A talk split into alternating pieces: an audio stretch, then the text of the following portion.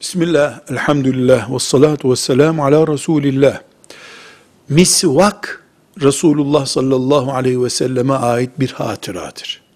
Sünnettir. Mühim sünnetlerdendir. Asıl gayesi de dişlerin ve ağzın temiz tutulmasıdır.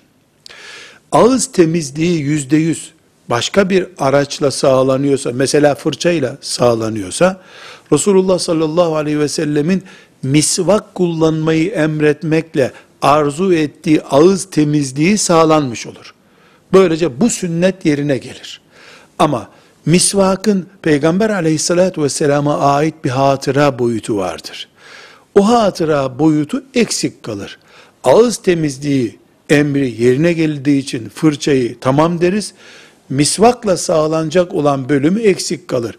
Bu da bir hakaret, küçük görme, basit görme gibi bir maksada dayanmadığı sürece fırçayı misvağın yerine kullanma hiçbir sıkıntı yoktur. Bulunduğunda da misvak kullanılıyorsa en azından ilave olarak sünnette yüzde yüz yerine geliyor demektir. Eğer misvağı hor görme, çöl aracı olarak görme ise gaye, o zaman diş temizliğinden önce bir beyin temizliği gerekiyor demektir. Velhamdülillahi Rabbil Alemin.